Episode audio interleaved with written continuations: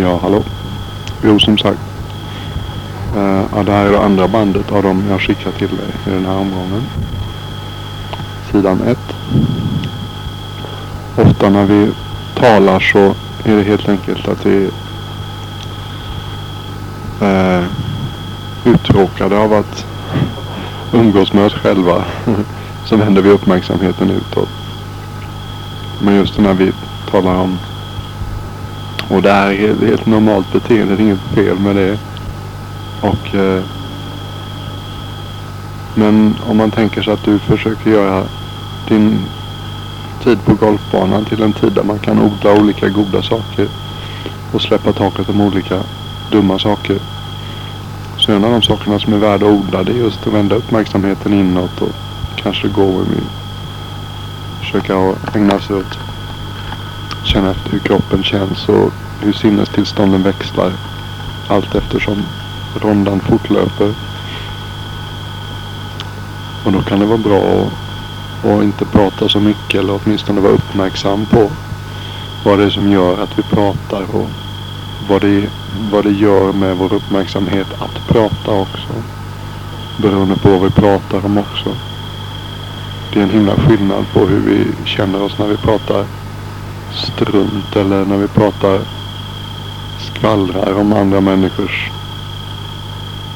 eh, egenheter eller misslyckanden eller konstigheter eller när vi pratar om mer konstruktiva saker eller mer neutrala saker åtminstone.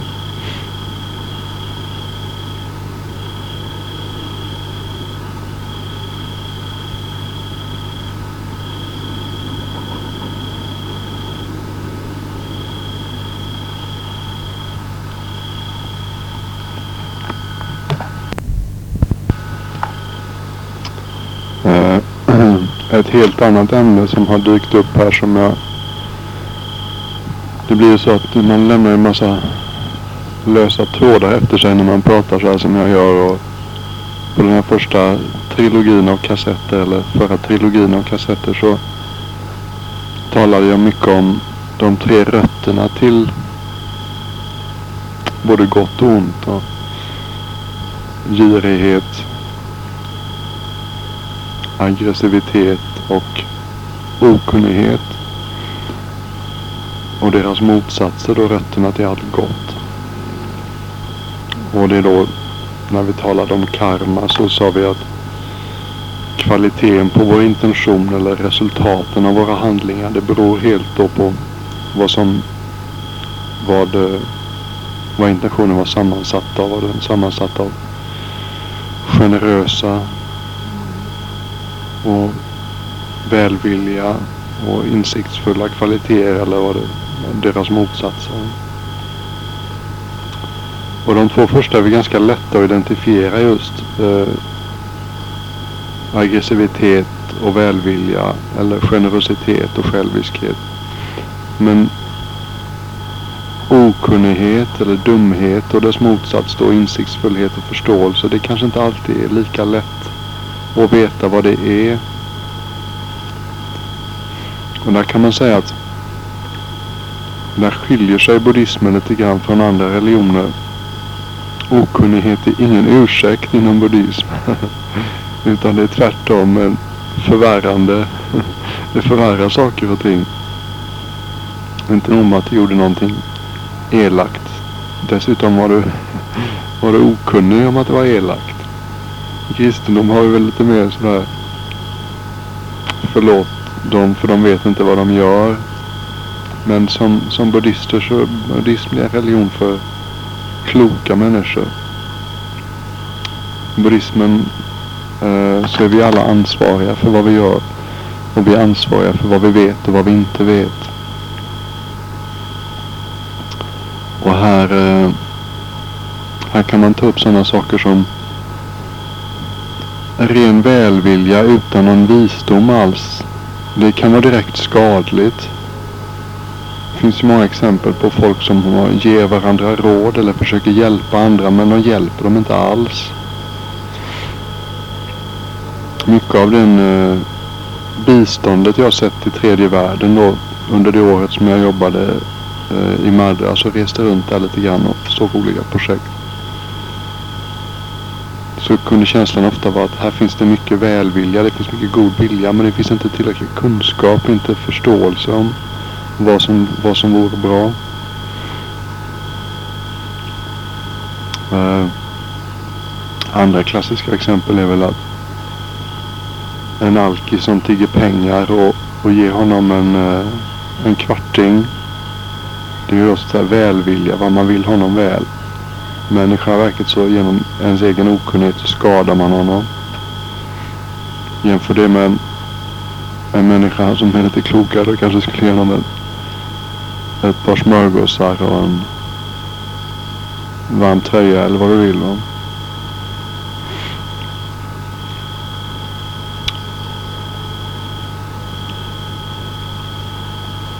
Mycket här meditation kommer in också därför att det är i takt med att vi mediterar och det blir klarare och tystare där inne så blir vi, det är ungefär som att man slipar sitt instrument med vilket man uppmärksammar verkligheten och att man får ett allt mer finstämt och användbart instrument för att undersöka verkligheten och förstå verkligheten. Och uh, i takt med att man ökar då i förståelse så blir det också mycket lättare att, att göra gott och undvika att göra ont. Därför att man får klarare för sig vad som är gott och vad som är ont. Och, eh, och vi, i takt med att vi blir klarare i knoppen så ser vi också allt tydligare orsak och verkan kedjorna i våra liv. Vi börjar se allt. Det är ju lite sådär lite uppvaknande när man börjar upptäcka den här lagen om karma, lagen om handlingar och deras resultat. Va? Och vi börjar se mer och mer tydligt hur allting vi gör kommer tillbaka till oss. Va? Och allt eftersom vi mer och mer tydligt ser det så blir vi mer och mer noggranna med våra handlingar, noggranna med vad vi säger, med vad vi gör och vad vi tänker. Vi blir mer och mer rädda skamsna om du vill. Skamsna för att göra någonting ont alls. Det blir som en slags... Eh, nej. Livet är för kort och för viktigt. För att göra någonting ont eller dumt eller girigt alls. Om jag förstår liksom hur viktigt det är det här. Jag tänker dig livet som en som en behållare med någon vätska i som jag vill bara tillsätta rent klart vatten för jag vill göra det här så klart som möjligt innan jag, innan jag dör.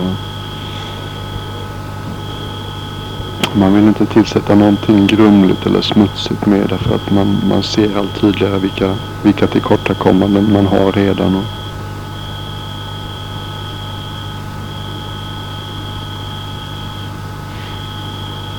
Någonting som jag inte vet jag vet inte hur användbart det är för dig men jag har funnit det väldigt användbart sista månaderna speciellt.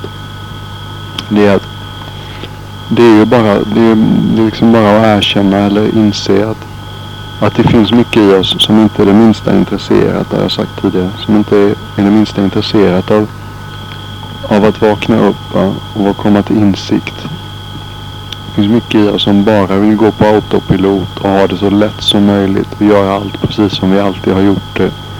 Och inte bry sig om någon annan utan bara försöka få allting precis som vi vill. Och tro på allting som vårt inre säger och aldrig någonsin reflektera över våra inre röster. Utan allting som kommer inifrån det tas då på största allvar. Det här är det vi måste arbeta emot. Och det här arbetet kan ibland kännas lite upplöst. Vi kanske ser att när vi, för det är det första som händer när man börjar meditera och börjar bli lite mindful, att man börjar se ska vi säga, mycket av det som inte är så klokt i en. Och det kan ibland kännas lite hopplöst när man börjar uppmärksamma det och så kanske man ser Nej, nu har jag ätit för mycket igen tionde middagen i rad eller nu tappar jag humöret igen och sa någonting dumt som jag inte borde ha sagt. Eller oh, nu går jag här och kritiserar honom för mig själv igen som jag har gjort varenda dag i två veckor. Hur kan jag vara så dum? Lär jag mig aldrig? Etc, etc. Du kan säkert komma på många exempel själva. Men eh, och det här är då vanor som vi har skapat under våra liv. Och vi har också ärvt dem ifrån vår karma från tidigare liv. Vi har ju då eh, ja, enligt buddhismen så har vi då levt tio hundratusentals liv innan. Det är liksom samsara i ett evigt kapslopp ända till man blir upplyst. Va? Och det är klart att det har skapats vanor då, vissa beteendemönster som kan vara rätt svåra att släppa. Och vi släpper dem egentligen bara i takt med att vi, när vi förstår varför de är, säg, olämpliga. Liksom då, bör, då, då blir det mycket lättare att släppa taget om sådana här mönster. Och då kan faktiskt, då kan förändringar börja ske rätt fort till och med. Hur som helst. Eh, vad som är viktigt och som jag inte har pratat så mycket om och det lilla jag gjorde tyckte jag inte gick så bra heller. Men det är det här begreppet anatta då. Och jag tänker inte säga så mycket om det mer heller för det ja, jag tycker det är lite svårt. Den som är då är bra på att tala om det, fråga honom om annat där. Men eh, hur som helst så, så, så tänk på att alla de här o, eh, sidorna då i oss som inte vill bli upplysta, som inte vill gå mot klarhet och klokhet och vänlighet om du vill. Tänk så här att det är inte jag. Det här är, det här är beteendemönster och vanor som det är inte jag. Och då när man, när man ser dem som en liksom fiende eller någonting som man måste lära sig och bli av med. Då gör det, det arbetet blir mycket roligare och lättare om man inte håller på att lasta sig själv varje gång det slår fel eller varje gång man misslyckas. På pali så kallas de här kilesas. Som vi kan kalla fördunklingar i sinnet på svenska eller negativiteter. De här fördunklingarna, det är inte jag. Jag är här inne, de är där. det är inte jag. En, ett mantra som jag, som jag har kört med mycket sista tiden. Eh, är okay, I lost the war. I, no, I lost the battle but I haven't lost the war. Okej, okay, jag förlorade det här slaget men jag har inte förlorat kriget. Ta det friheter. Det är fritt fram att vara kreativ i dharmaträning. Det viktiga är att det funkar. Jag har kört mycket med krigs, krigs, krigsscener sista tiden.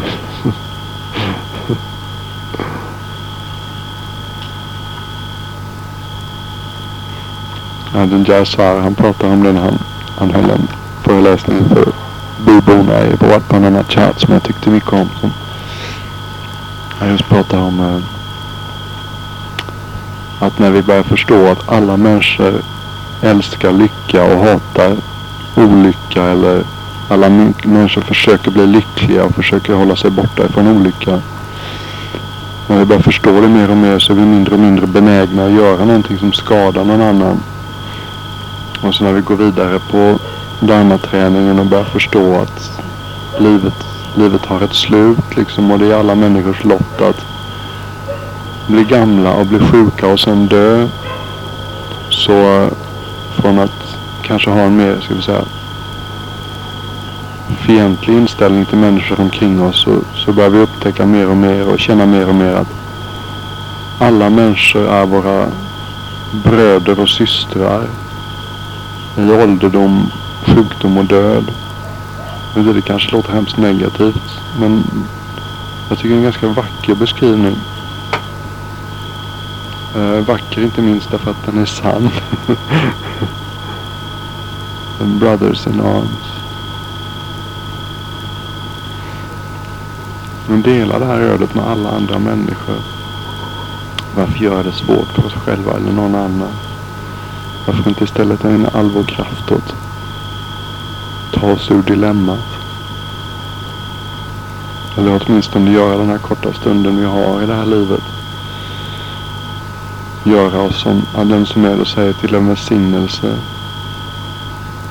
för, för, för världen, för oss själva och för människor, människorna i våra liv.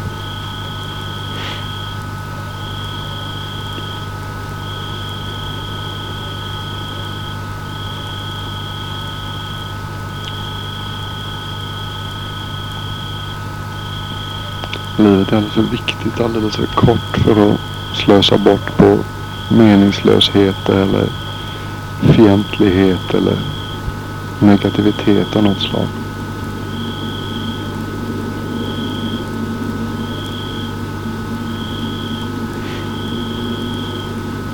Om man ska säga någonting kort om, om döden som kan vara, kan vara tänkvärt så jag tror jag har nämnt det här innan men jag tycker det ger ett visst perspektiv. Om man tänker sig att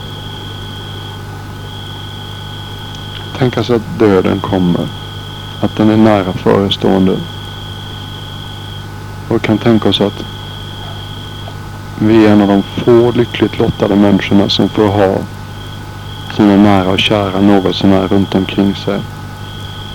Det är ett önsketänkande men låt oss hoppas att vi hör till de ytterst få som dels får ha sina nära omkring sig och dels får chansen att förbereda sig lite grann. Och, eh, och just förstå hur ensamma vi trots allt är i den stunden. Att alla de här välkända ansiktena som har följt oss genom det här livet. Ingen av dem kan hjälpa oss. Vi måste gå igenom smärtan och sorgen och avskedet och separationen från allt det vi har hållit, hållit, hållit kärt i det här livet. Det måste vi gå igenom alldeles själva. Och här kommer då det här lite radikala säges talesättet som Ajahn Chah hade att dö innan du dör kommer in här. Andra och tredje ädla sanningen om, om begär. Att allt det som vi inte har släppt taget om ännu. Allt det som vi fortfarande har bundit upp oss själva till. Det som kallas attachment på engelska. Clinging, craving. Det måste vi släppa taget om i det ögonblicket. Alla människor, alla idéer, alla prylar. Alla känslor. Förhoppningar och rädslor. Och om vi har mycket som vi inte har släppt taget om än i livet så kommer det bli en fruktansvärt intensivt plågsam och smärtsam ögonblick när vi dör. Och det tror jag att det vet, det vet vi om liksom hur många exempel det finns på det människor som blir som tokiga när de dör. Eller som döden verkar vara en väldigt smärtsam process för dem. Därför att då är plötsligt så tvingas man i ett väldigt sent ögonblick inse att allt det här som man är så fast bunden vid eh, måste man släppa taget om. Medan en mera andligt utvecklad person har redan släppt taget om det mesta av det här. Har redan, om du vill, om du så vill, eh, dött till, died to, mycket av det här. Här får man ju säga att buddhismen är så att det är inte pessimistiskt utan det är realistiskt. Vi måste skiljas från allt som är oss kärt förr eller senare. Varför inte skiljas från det redan nu? skiljas från det betydelsen inte vara uppbunden vid det. Och sen kan man ha kvar det på, det på ett, på ett mera vuxet, realistiskt sätt. Fritt, självständigt, vist sätt.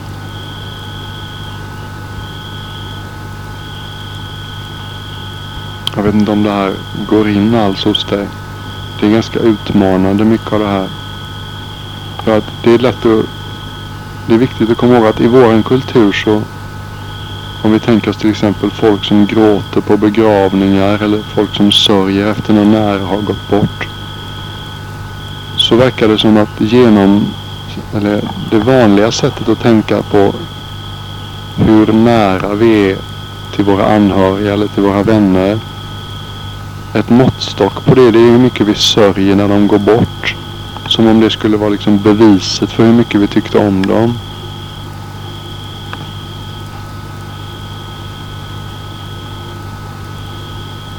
Och det är ett ganska konstigt sätt att se på saker och ting.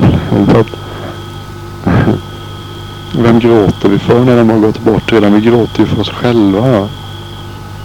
De har ju ingen nytta av att vi gråter. De är borta redan.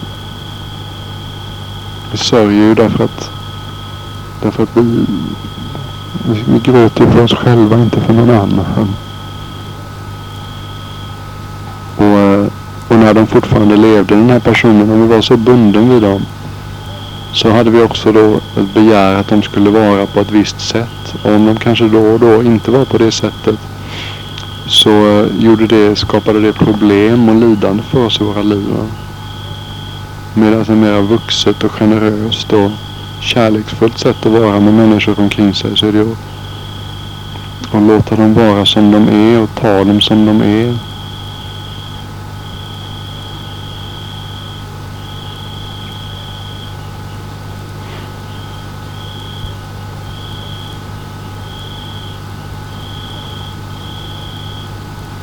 Och vad har vi då kvar? Vad är det som avgör hur vi, hur vi passerar iväg ut ur det här livet? Och vart vi tar vägen sen? Jo, det är allt vi har sagt, allt vi har gjort och allt vi har tänkt i det här livet.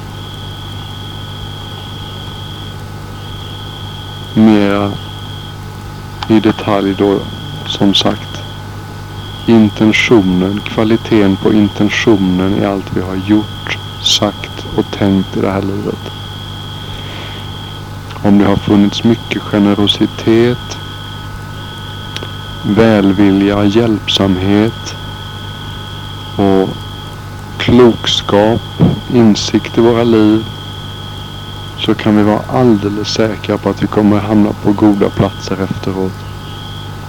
Medan som våra liv har styrts i huvudsak av rädsla, okunnighet, själviskhet, ilska.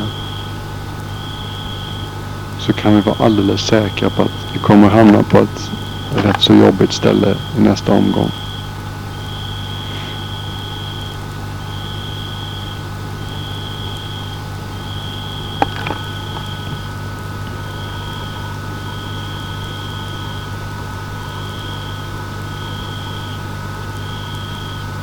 Man behöver ju faktiskt inte tro på det här alls.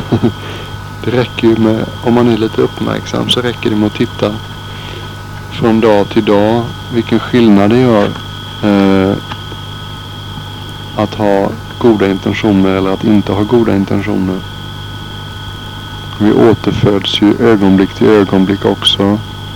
Ett ögonblick det är ju en produkt av eh, av orsaker. Det skapas ju av orsakskedjor och samband. Som jag sa tidigare banden att vi är slavar under nuet men herrar över framtiden. Genom våra handlingar och vårt tal och vårt tänkande så skapar vi vår framtid hela tiden. Det kanske inte alltid syns så men du kan vara alldeles säker på att vi i långa loppet så får vi alltid precis vad vi förtjänar. Och det är ganska betryggande när man börjar förstå det.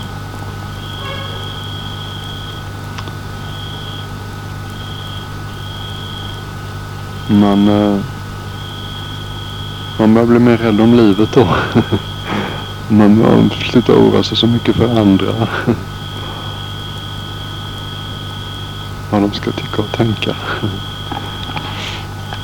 Och så ser man i thailändsk kultur att folk slösar inte speciellt mycket tid på, i Thailand på att gå omkring och fördöma andra människor. Så här, han borde inte vara så, han borde inte göra så. Därför att de har vuxit upp med lagen om karma, lagen om handlingar och handlingars resultat.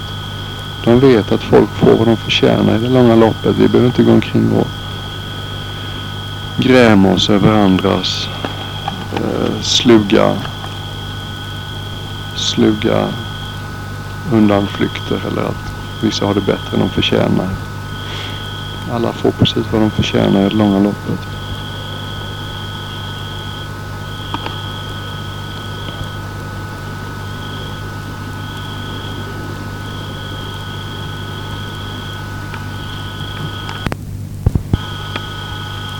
När du när du gör gående meditation. Det kan ofta vara tillfällen när det kan vara lämpligt att göra sådana här lite mer vad vi kan kalla reflektiva meditationer.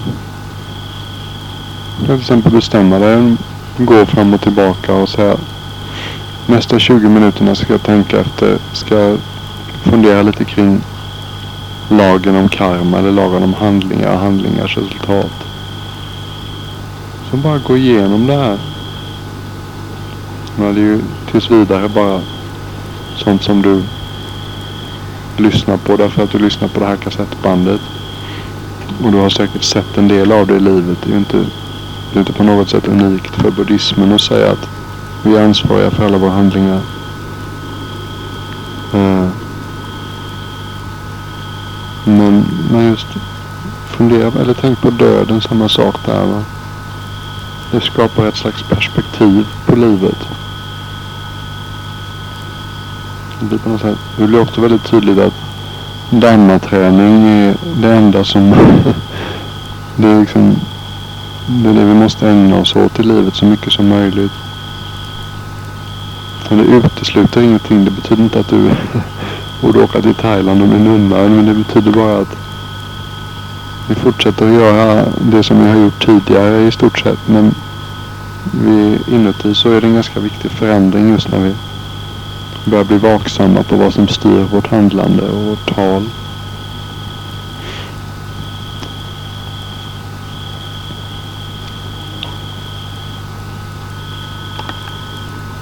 Annars när du går i gående meditation så är inte så märkvärdigt utan eh, gå från ena änden av stigen till den andra och så stanna upp. Så vänder om och så ta ett andetag och sen går du tillbaka igen. Adrian Sumedo han skriver att försök att notera, det kan gå i ganska normal takt, kanske något långsammare till en början, en normal takt är bra. Och notera då början och mitten och slutet på, på stigen åtminstone. Jag tycker det är rätt bra att gå liksom, ta varje steg ganska, kanske till och med ha ett mantra. Typ.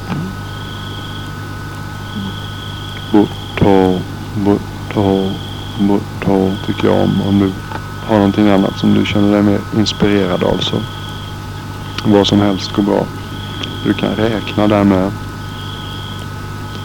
Ibland är det bättre att inte göra så mycket olika saker utan bara helt enkelt rätt upp och ner gå. Och kanske ha, ha den inställningen att när du upptäcker att tankarna är sprungit iväg och är på annat håll än i, än i gåendet så stannar du upp och kanske säger tänker, tänker tyst för dig själv eller åtminstone på något sätt markerar och noterar att tankarna har sprungit iväg och så tillbaks till gåendet. Och gåendet, det, behöver, det ska inte heller göra för komplicerat. Liksom ska jag bara notera känslan på fotsulorna eller ska jag tänka på hela foten eller ska jag tänka på, liksom ta det, ta det ganska, vad heter det, eklektiskt. Syns. Eh, att det kan vara, ofta är det väl framförallt under kroppen och liksom höfterna och neråt som, som vi går. Men bli inte för teknisk med sånt utan det kan vara ibland hela kroppen och ibland kan det kännas mer naturligt att bara ha, tänka på hur det känns i foten eller uppmärksamma fotens sensationerna, förnimmelserna i foten. Och vara noga där också med att vara verkligen spana efter begäret. Och när det smyger sig in det här begäret att ja, men nu tänker jag igen, jag vill inte tänka. Och, och så gör man sig själv olycklig för att man tycker att man är så usel på att hålla uppmärksamheten på ett objekt. Va? Och så då blir helt plötsligt gående meditation någonting som är jättejobbigt och känns misslyckat och man vill att det ska ta slut så fort som möjligt. Det är inte vägen utan då gäller det att fånga det här begäret som har smugit sig in att man vill att det ska vara på ett visst sätt. Och så påminner man sig själv att hallå där. Det, det här är ingen tävling. Det här är inget som jag måste göra på något framgångsrikt vis. Utan det här kan jag i lugn och ro. Så förnöjsamhet är nyckeln till mycket alltså. Och påminna sig själv om att det här är tillräckligt. Jag är helt och hållet nöjd med att bara ta ett steg i taget. Det är samma sak när Lund skriver om eh, Anna Panasati. En inandning, en utandning. Det är allt jag behöver ägna mig åt. Det är tillräckligt. Odla den här förnöjsamheten. Jag behöver inget mer. Det behöver inte vara mer spännande än så här.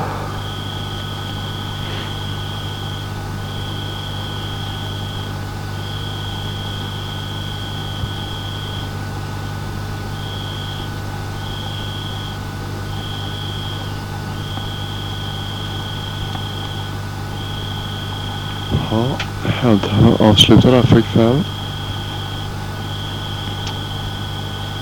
Vet inte riktigt hur och när det här tar slut men det gör det så småningom. Då skickar jag hem det. Ha det så bra.